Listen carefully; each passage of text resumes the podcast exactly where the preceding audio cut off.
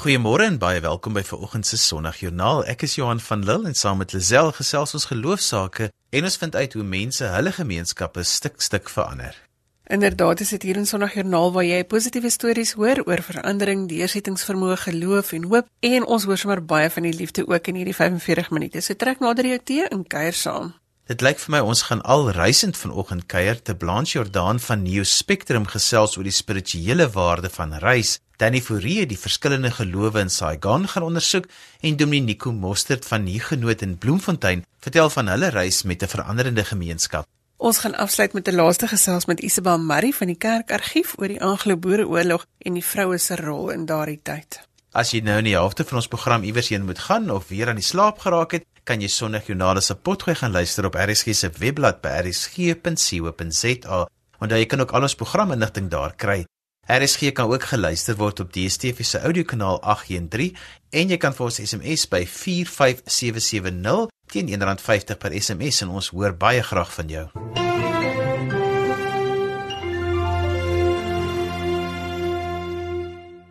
Ter Blanchardaan is van Neo Spectrum in Durbanville en ons gesels vanoggend oor hoe reis 'n mens se spiritualiteit aanraak en wat dit beteken om aan ander mense se geloof en rituele bekend gestel te word. Goeiemôre Ter Blanche. Goeiemôre.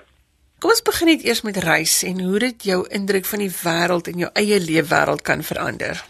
As 'n mens reis, vir my is dit die eerste groot gewaarwording is die ongelooflike land waarin ons woon.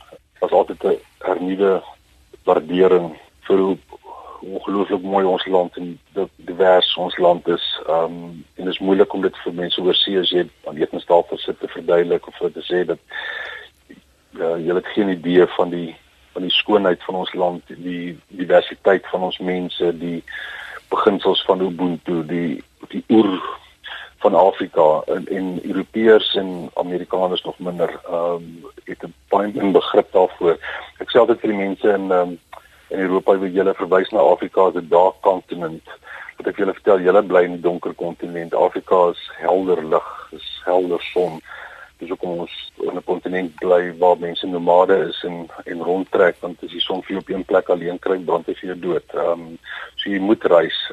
So vir my is reis is is is altyd 'n spirituele ervaring omdat 'n mens blootgestel word aan aan kulture, mense se se ander kyk na die lewe jy weet veral in 'n kontinent soos Europa waar daar soveel mense bly so op mekaar woon uh blootgestel is aan 19 maande van die jaar uh, jy weet in grys en grou. Um so daar's 'n ander spirituele bewuswording wanneer mens daar is want jy jy word blootgestel om, om jou om jou kop te rek en om buitekant jou boks te dink um van wie is ek waar kom ek vandaan waar is ek op pad dis wel dit is die enigste belangrike vraag wat daar is is, is wie is ek en en en 'n mens word daarmee gekonfronteer wanneer jy wanneer 'n mens reis. Ek was nou die dag op Franshoek en het gesien hoe die busse mense daar stop by die kerk waar die deure is oopgegooi, mense kan heeldag daar in en uitstap. Wanneer mense oor see reis dan is dit noodwendig sodat jy gaan kyk na die verskillende katedrale, die verskillende plekke waarin mense kerk hou. Hoekom dink jy is dit belangrik dat ons aan ander gelowe blootgestel moet word, juis al is dit dan nou om te dink oor hoe jy self jou eie geloof beleef? Ja, ek dink jy som dit reg op is is wanneer 'n mens blootgestel word aan aan ander gelowe dan dan vra mens weer vir jouself jy weet wat glo ek en waar en nog belangriker waarom glo ek wat ek glo jy weet ek is gebore binne 'n Christelike huis en groot geword met Christelike beginsels ek is seker dat as ek in, in Indië gebore was dan sou ek 'n Hindoe gewees het binne 'n Hindoe kultuur. So mense vra vir jouself maar waarom glo ek wat ek glo en en waarom is dit vir my belangrik en hoe vorm dit deel uit van my menswees en en my identiteit? Mense ervaar dit wanneer mense oorsee is. Nou ja, in Europa, jy weet die katedrale word so oordonder met toeriste dat ek het nie meer die vermoedigheid regtig om die plekke te besoek nie. Ek was laas jaar Oktober as ek in Italië gewees en jy staan in 'n kathedraal en dis mense met selfie sticks en dis 'n geroesmoes van mense. Mense al nie hulle beanies af of hulle hoede af. Jy weet as hulle in die plek instap en daar's so min ehm um, vir my respek vir 'n plek van aanbidding. Daar's so min die Engelse woord is reverence, is 'n is 'n diep gevoel van aanbidding. So dit word 'n bietjie bederf met met te veel toeriste wat weer gewerk word in die kathedrale. En ons weet jy weet dat Europa uh, se kerke is toeriste uh attraksies dit is nie ehm um, die kerke staan leeg op 'n Sondag as 'n mens daar 'n diens bywoon. Ek dink nie dit is omdat mense noodwendig hulle rug op God draai nie. Ek dink dit is mense wat om oor sake van Europeërs is miskien net moeg vir die klomp strukture van uh van dogma en van te veel teologie. So ek sê ek kry nie die idee as ek met mense daar gesels dat hulle noodwendig hulle rug op God draai nie. Ek dink dit is is meer georganiseerde godsdiens. As ons nou praat oor reis en oor ander dinge beleef en ander dinge sien, hoekom dink jy is dit nodig dat ons aan ons geloof en ons spiritualiteit moet werk as ek dit in aanhalingstekens kan sit? Want ons is spirituele wesens. Mense word gebore met spiritualiteit soos wat mense gebore word met seksualiteit. So jy daai jou ma onderste bo hang dan as jy sien jy vir dogter jy, jy word gebore met seksualiteit. Ons word gebore met spiritualiteit. En dit ons is spirituele wesens wat wat reis met met 'n lyf ons nie andersom nie so ons spiritualiteit vir, vir my persoonlik is dis deel van ons menswees dis deel van ons ons DNA en dan kan ek ten slotte sê as ek waar ek vanoggend hier sit en met met jou gesels dan dan en ek dink aan reis en die plekke wat vir my 'n enorme invloed in my lewe gehad het en ek en ek raak so vrolik stil as ek dan dink ek aan die aan die Gemma Elfena plein uh, in Marrakesh dan wil ek weer daar staan in die in die reek van speserye of daai klein restaurantjie in in Parys Le Petit Châtelet om om weer daar iets te eet. Ehm um, ek dink aan 'n plek soos Mombasa waar mense 'n boot vat na die Wasini eilande toe jy kan met die dolfyne daar swem.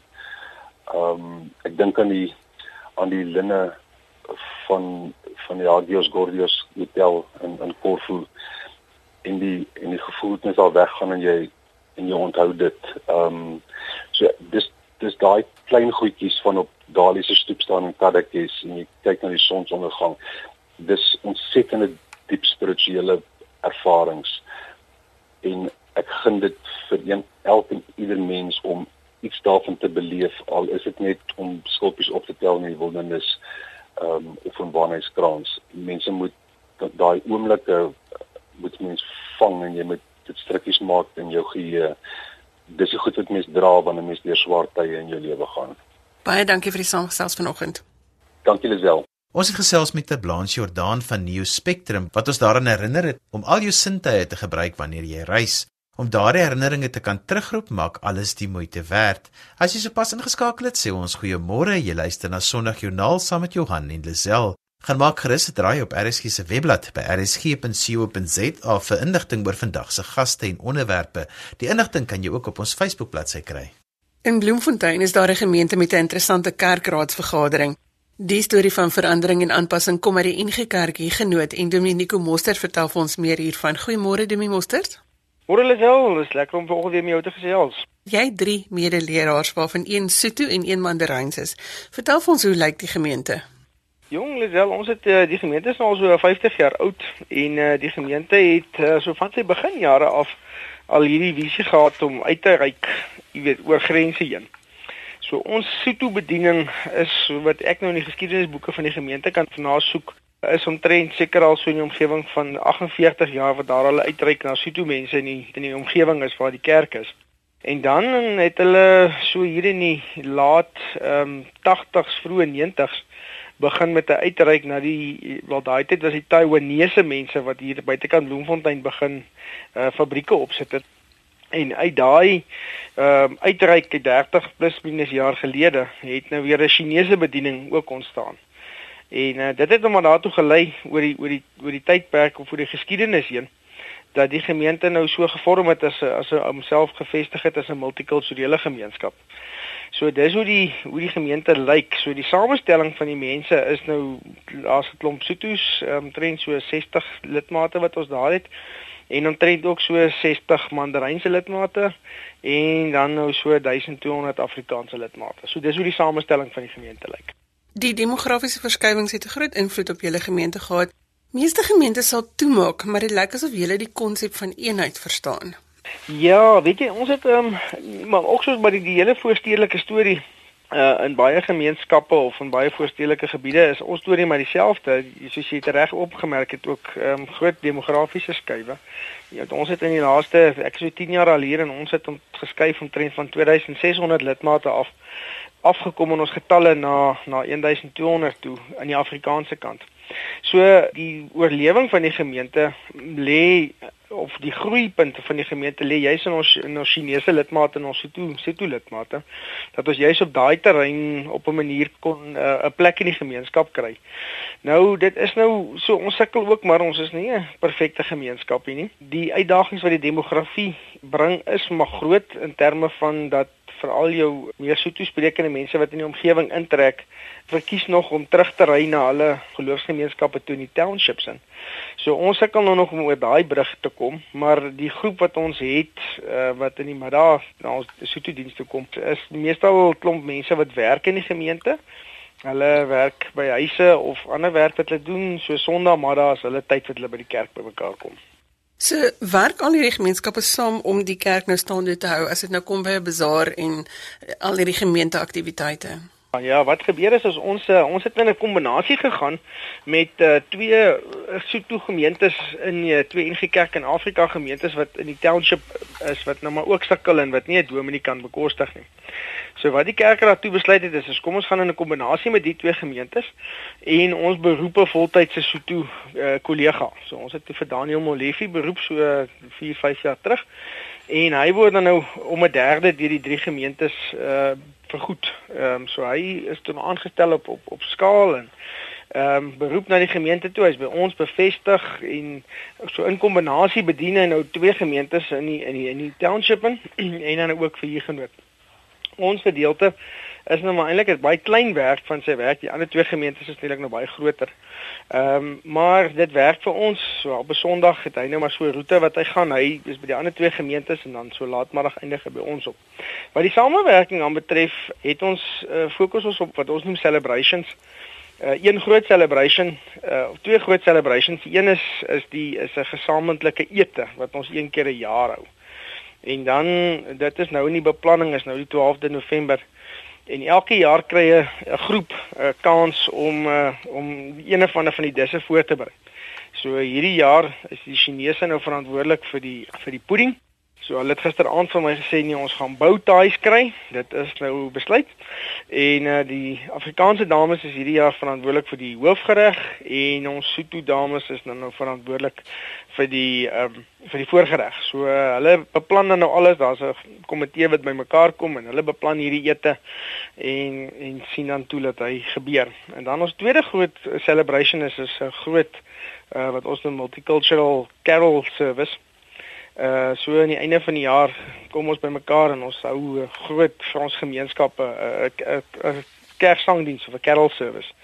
En uh dit is dan ook 'n groot hierdie jaar het ons nou ook al die gemeentes in ons omgewing uitgenooi en dit is nou saam met um, ons ons ons het so 'n pastors fellowship hier in die in die noordelike voorstede van Bloemfontein. En hierdie jaar is die groot gesamentlike diens daar by hier genoot. Hoe is die samewerking tussen jou en jou kollegas? Daar's tog nou sekerlik 'n kultuurverskil. Seker. Kyk wat belangrik is is miskien moet ek net gou dit sê ook. Ehm um, ons is ons is nie ons het nie 'n perfekte voorbeeld of ons het nie 'n perfekte resep nie. Dit is die laaste ding wat ons graag wil voorhou. Maar wat ons graag net wil sê is is ergens moet ons 'n begin maak. Ehm um, jy weet met alles wat in ons land gebeur. Voel ons by hier genoot, jy weet, dis ons identiteit, dis wie ons is. Ons het ook so 'n credo in ons voorportaal wat ook sê, jy weet wat ons is baie duidelik. Ons het so vir vir 2 jaar vir 'n jaar lank, so 3 jaar terug stil gestaan as kerkraad by Handelinge 2 vers 42 tot 47. En uit dit het 'n credo gekom wat sê wat in ons harte leef, moet ook in ons hande wees. Ons kan nie net goed sê of bely aan die een kant soos soos iets oor eenheid of soos die aanvaarding van mense nie. En ons doen dit nie op 'n praktiese manier nie. Wat dan jy iets sê van weet hier genoot is 'n oop gemeenskap en en daar's nie by ons 'n ruimte vir vir seksisme, homofobie, uh, rasisme, xenofobie nie. Ons ons ons as gemeenskap kan nie dit uh, hanteer nie. So ja, die kultuurverskille is groot. So ons glo wie staan die baie sterkte aan om te sê ons ons bediening in in tale. So ons het uh, op 'n sonoggend is 'n besondag, nie 'n sonoggend nie.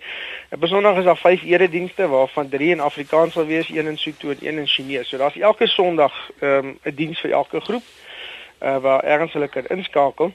Wat die kultuurverskille aanbetref is dit is dit 'n hele is dit 'n storie van verdraagsaamheid. Dat ons moet maar ruimte, ons maak ruimte vir mekaar. Uh so my kultuur is nie verhewe verhewe bo jou kultuur nie. Ons uh hanteer die kultuurverskille, ons werk met Engels uh as ons vergaderings hou by mekaar as 'n voertaal. Maar daarna is elkeen in sy eie taal weer op sy eie ook en uh, ja, so dit is 'n dis 'n dis 'n saamleef met mekaar dink ek ehm um, meer as wat dit 'n resep is, is, is dit vanoggend vir ons luisteraars help. Nou ja, 'n besonderse storie van verandering. Demnie Mosser baie dankie dat jy julle storie met ons gedeel het. Dankie dit wel en ja, ek hoop regtig ook veral in hierdie tyd dat ons 'n bietjie as as bruggemeenskappe baie meer dink ek kan doen binne ons gemeenskappe om om net ons ruimtes of ons spasies oop te maak. Jy weet, en dit sê kom net binne en, en kom sit net saam met ons en so hoef nie alles dieselfde taal te praat of dieselfde goed te doen nie, maar ons kan net met mekaar iets deel. So dankie, dankie vir die tyd om saam jou te gesels.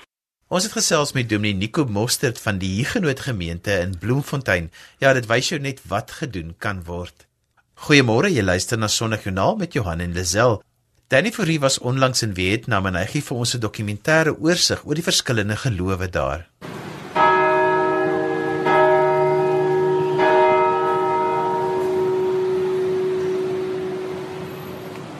Die term Indochina verwys na die lande wat histories binne die kulturele invloed van Indië en China was. Later sou dit ook Frans Indochina word, toe die Franse hier begin betrokke raak het en Vietnam 'n Franse kolonie geword het. Maar vandag is die Chinese invloed en kulturele invloed hier in Vietnam nog baie baie sigbaar in terme van die argitektuur, die kos en dan veral die godsdiens. Dit is 'n boeddhistiese land. Na die Tweede Wêreldoorlog was Vietnam vanagenoeg 20 jaar in twee oorloë met die weste gewikkeld.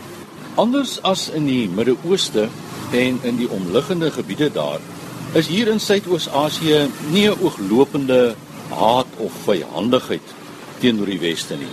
In weerwil van die twee oorloë met Frankryk en Amerika. Trouwens, Vietnam verwelkom westerse beleggings en dan ook toerisme. Hanoi is die hoofstad van Vietnam en is geleë in die noordelike deel van Vietnam. In die suide was Saigon al die jare die hoofstad totdat dit 'n nuwe naam gekry het na 1975, naamlik Ho Chi Minh City. Ho Chi Minh was 'n baie belangrike politieke figuur en leier in Vietnam. Hy het die twee Vietnams, Noord en Suid, na 1975 herenig. Hier in Hanoi bly nagenoeg 7 miljoen mense. Die beste beskrywing wat ek nog raak geloop het van Vietnam is weird and wonderful. Vreemd, eie soortig en wonderlik. En dit is veral waar as 'n mens hier in die ou stad van Hanoi rondloop nou straatjies met 'n geroesemoes van mense, kaffietjies op die strate, bromponies, straatverkopers. Alles wat vreemd, eie soortig is, maar dit is absoluut wonderlik. Die geure en die reuke wat 'n mens hier kry, is baie baie uitsonderlik. Wat my opgeval het hier in Hanoi is die plein in die middel van die ou stad met 'n katolieke kerk uit die bevolking van Vietnam, nagenoeg 92 miljoen, is hier 4 miljoen Katolieke in die land. En op hierdie plein is hier so 'n ronde sirkel met 'n standbeeld van Maria en Christus kind in haar hand. Uh dit is omheind met 'n tralieheining, baie mooi netjies versorg met blomme en klein bome en dan agter dit die kathedraal wat reeds al tekens van verweer toon grys en swart aan die buitekant die uh sement al maar pragtige deure aan die voorkant met uh koperbeslag en figure daarop uitgedruk. Uh staan die Katolieke kathedraal hier in die middel van Hanoi se ou stad. Die kathedraal is 'n oorblyfsel van die Franse wat destyds Vietnam as Franse kolonie bestuur het en hierdie spesifieke kathedraal hier in die middel van Hanoi is in 1886 daar rond deur hulle hier gebou en staan vandag nog. Hier word nog gereeld 2 of 3 geleenthede per dag mis aangebied in die verder noord van Hanoi by Sapa het ek ook afgekom op 'n Katolieke gemeente, baie kleiner kathedraal, maar dit lyk tog of daar baie groter tekens van meelewing is by daardie kathedraal en baie besoek die kathedraal daar. So die die 4 miljoen Katolieke in die land wat baie min is, uh, wil dit tog voorkom asof daar 'n aktiwiteit en 'n toewyding van die Katolieke is om steeds te bly by die geloof wat die Franse destyds hier geplant het en agtergelaat het. Die kathedraal hier in Hanoi het pragtige deure aan die voorkant met uh, dit is eintlik koperdeure met figure wat daarop uitgedruk is. Bybelse en kerklike figure soos Paulus en die disippels, uh Johannes die Doper ensovoorts. En binne in die kerk is dit nogal groot, uh houtbanke en twee pilaargange wat die lydensweg van Jesus uitbeeld. Aan die een kant sewe stasies en aan die ander kant ook sewe stasies en dan voor in die kerk die gedeelte waar die priester die diens lei. Uh dit is 'n rustige omgewing binne in die kerk met die mooi gebrandskilderde vensters waar deur die lig van buite af inval. Rustige omgewing soos wat 'n mens maar gewoond is aan 'n kathedraal. In teenstelling met die kathedraal in die middel van Hanoi sien 'n mens ook baie die sogenaamde pagodas in Hanoi.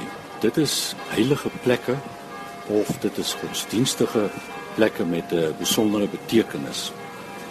Mense kom dan hier na toe. Uh, aan die voorkant is daar gewoonlik 'n groot deur, groot deure wat oop staan met 'n boog wat gebou is met uh, baie definitiewe Chinese standbeelde en uitbeeldings aan die bokant. En dan in so 'n pagoda is daar meer as een altaar. Maar dan is hier natuurlik 'n fokuspunt wat baie groot is, 'n groot altaar en waar mense dan ingaan. Hier was nou 'n vrou, sy het haar skoene uitgetrek en sy het op haar knieë gegaan en sy het 3 of 4 keer op die grond aan die grond gebuig met haar hande voor haar gevou en dan bring hulle ook uh, kos en vrugte en allerlei ander eetgoed wat hulle dan op die altaar neersit. Die reuk van uh, vuurrook hang natuurlik baie sterk hier en dit is 'n baie gewyde uh, atmosfeer. Uh mense trek hulle skoene uit voordat hulle by so pagoda ingaan en voordat hulle die terrein verlaat, buig hulle weer voor bak waar die baie vuurrook in is. Dit is dan die ander kant van Vietnam die boeddhistiese kant wat baie beslis vanuit China deel van hulle godsdienstige kultuur geword het. Nie ver van die kathedraal nie is hier ook 'n veel nuwer kerk, die Kwa Bak Kerk wat in 1932 ook deur die Franse hier in Hanoi gebou is. Oorspronklik het dit bekend gestaan as die kerk van die martelare en dit het sitplek vir 700 mense. Dit word beskou as een van die belangrikste Katolieke kerke hier in Hanoi. In November 2006 het die oud president van Amerika, George W. Bush, 'n uh, diens hierby gewoon en dit was na aanleiding ook van die VN se aanprysing van Vietnam wat pogings aanwend om al hoe meer godsdienstvryheid in Vietnam toe te laat. Vietnam is 'n boeddhistiese land. En dit blyk dat die Christelike geloof wat hierheen gebring is deur die Franse en die kathedrale en kerke wat hier deur die Franse gebou is, dat dit nie genoeg was en daarin kon slaag om die Christelike geloof as 'n alternatiewe geloofslewe vir Suidoos-Asiërs en dan veral vir Vietnamese te word nie. Die kathedraal in Hanoi wat die 4 miljoen Christene in Vietnam verteenwoordig, lui sy klok gereeld. 'n Mens hoor dit as jy hier in die ou stad loop. Maar 'n mens wonder wat die toekoms vir hierdie klein minderheid Christene hier in Vietnam en dan ook in Suidoos-Asië sal inhou. Danny Fourie vir Sondagjoernaal in Hanoi, Vietnam.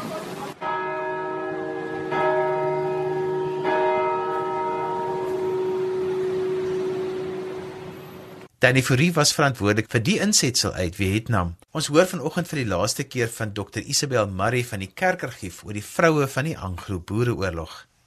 Isabel Marie is argiefbeampte by die Kerkargief op Stellenbosch en ons gesels oor haar werk en navorsing oor die vroue in die Anglo-Boereoorlog. Môre Isabel en baie welkom terug. Baie dankie, dis heerlik om weer hier te wees. Isabel, ons het nou al gepraat oor die vroue se omstandighede tydens die oorlog en ons het gesels oor hulle verhouding met hulle mans wat ook gevangenes was. Maar vanoggend gesels ons oor die stem oor die see.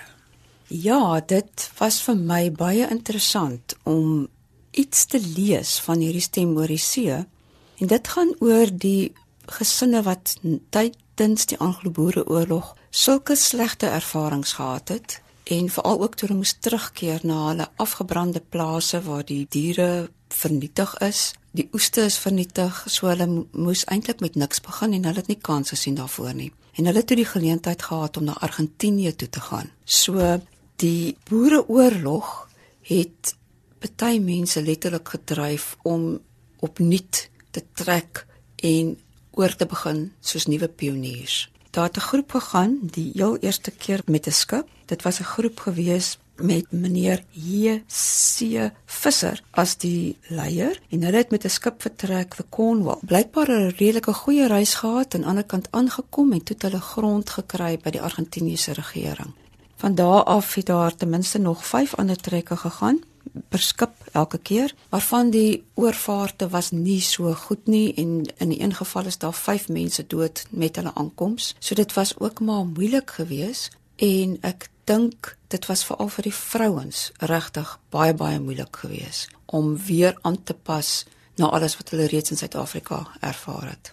Die vrouens moes van voor af begin. Wat se tipe werk het hulle toe gedoen? Ja, ek het veral gekyk na 'n verslag wat geskryf is deur Dominee AD Lukhof wat heelwat later gegaan het om eintlik te kyk na die rol van die kerk. Maar wat hy gedoen het is hy het letterlik die hele Argentinië se gebied waar daar boere gebly het, Afrikaanse boere, het hy die reis en met die mense gaan praat. En sy weergawe van wat hy gesien het, sê hy, dit was vir die mans moeilik maar dit was die ergste vir die vrouens want die vrouens moes self die werk doen in die huise. Hulle moes al die klere maak hulle moes al die kos maak hulle moes help werk op die plase daar's meestal met skaap geboer hulle moes ook verantwoordelikheid neem vir die kinders se opvoeding. Want daar was nie skole nie die kinders kon net Nederlands praat hulle kon nie die Spaans praat nie. En dan moes die moeders ook die mans positief hou want dit was baie moeilike klimaatsomstandighede waaronder die meeste van hulle daar gebly het. Hoe was hulle kerk opset geweest? Dit is 'n baie interessante verhaal wat ek dink nie so algemeen bekend is nie. Met die eerste uitvaart was daar mense van die Nederduits Gereformeerde Kerk en van die Gereformeerde Kerk saam teenwoordig op die skip. Daar het hulle toe 'n kerkraadsvergadering gehou wat hulle besluit het hulle wil graag 'n gemeentetjie begin, maar hulle gaan saamwerk want hulle is so min. So aanvanklik het hulle dit ook so gedoen. Hulle het ouderlinge gekies en iemand aangewys om verantwoordelikheid te neem vir die sonnaarskool en die kerkdienste en so aan. Maar dit was 'n groot gesukkel want hulle het ver van mekaar gebly, so dit was moeilik om by mekaar uit te kom. Lang afstande wat hulle moes ry met baie beperkte middele en binnekort het dit regtig moeilik gegaan en het van die moeders veral begin sê maar ons kinders word goddeloos groot en hulle wil graag hê iemand moet kom help. Toe het hulle geskrywe aan die sinode en daar was toe 'n jong proponent wat gesê het maar hy is bereid om te gaan en die sinode het hom toe gehelp dat hy kan gaan so hy was vir 'n tydperk daar gewees. Daar is nie baie geskrywe deur die vroue wat in Argentinië was nie, maar Dominee Lukhof het nou hierdie verslag opgestel. Wat is die ander interessanthede wat daarin opgeteken is? Ja, hy vertel dat toe hy nou daar kom en dan praat ons nou van 'n hele klomp jaar nadat hulle gegaan het, ten minste 15 jaar het hy vir die eerste keer gegaan omdat die kerk toe besef het maar hierdie mense is eintlik verlore en hulle moet uitreik. Daar was bietjie hulp van 'n Nederlandse predikant, maar dit het ook nie heeltemal gewerk nie. So Dominee Lukhof het na al die ver afgeleë gebiede gegaan en een plek vertel hy hoe hy by 'n ma gekom het met 10 kinders. Die oudste ene was 17 en die jongste ene was 'n babatjie. En hoe hy besef het maar hierdie vrou is so uitgeput en moeg dat sy skaars daagliks kan opstaan en kan sorg vir al hierdie kinders en dan moet sy nog vir hulle opvoeding ook sorg. So hy het absolute pleidooi gelewer dat die kerk ook in na die onderwys sal kyk. Op 'n ander plek was hy in die ver afgeleë berge en daar was 'n mamma met kinders van ek dink 2 en 3 jaar oud wat nie gedoop was nie. En hoe sy gesê het: "Ag prys die Heer dat my kinders tog net gedoop kan word." So die vrouens het regtig 'n behoefte gehad om weer ontvang te word deur 'n gesant van die kerk en die liefde van God te ervaar. Was daar enige optekeninge van hierdie mense wat probeer terugkom met na Suid-Afrika toe? Daar was verskeie en heel aanvanklik toe die eerste proponent daar aangekom het, voet aan wal gesit het, was daar al gesinne wat wou terugkom. Dit was baie moeilik vir hulle want hulle het natuurlik die bietjie geld wat hulle gehad het gegee om Argentinië toe te gaan. Maar van hulle het weliswaar teruggekom en baie swaar gekry toe hulle teruggekom het. So het daar ook later verskeie van die gesinne probeer terugkeer na Suid-Afrika. En een van die faktore wat aanleiding gegee het daartoe, was die sosiale omstandighede in Argentinië. Die gebied waar hulle gebly het was 'n gebied waar daar voorheen baie mense vanuit die tronk geplaas is. So die waardes onder die mense in Argentinië was vir die boere baie vreemd geweest. Daarom het hulle ook probeer om hulle volkseie te behou. Hulle het glad nie regtig gemeng met die Argentiniërs nie, in die opsig dat hulle nie vriendskappe aangegaan het nie. En hulle was baie besorgd daaroor dat hulle dogters byvoorbeeld nie moet trou met hierdie Argentynse mans nie, want hulle het gevoel die waardes is nie dieselfde nie. Dan is daar ook later op van die Afrikaanse boere se plase olie ontdek wat natuurlike instroming van allerlei mense meegebring het en wat 'n groter sosiale probleem geskep het sodat van die Afrikaanse mense toe gevoel het maar dit is 'n sedelose gemeenskap en hulle sal baie graag wil terugkom Suid-Afrika toe. So daar het heelwat van hulle toe ook teruggekom. Isbel baie dankie dat jy die afgelope tyd al hierdie interessante stories oor geloofkerk en die Suid-Afrikaners wat in 'n oorlogssituasie was met ons gedeel het. Dankie, mag ek 'n laaste woord sê? Jy mag. Ek het gaan luister na lesings oor die reformatie en een van die aspekte daarvan wat my regtig opgeval het, is dat die reformatie eintlik vir ons vra om te herbesin oor dinge wat in die verlede gebeur het.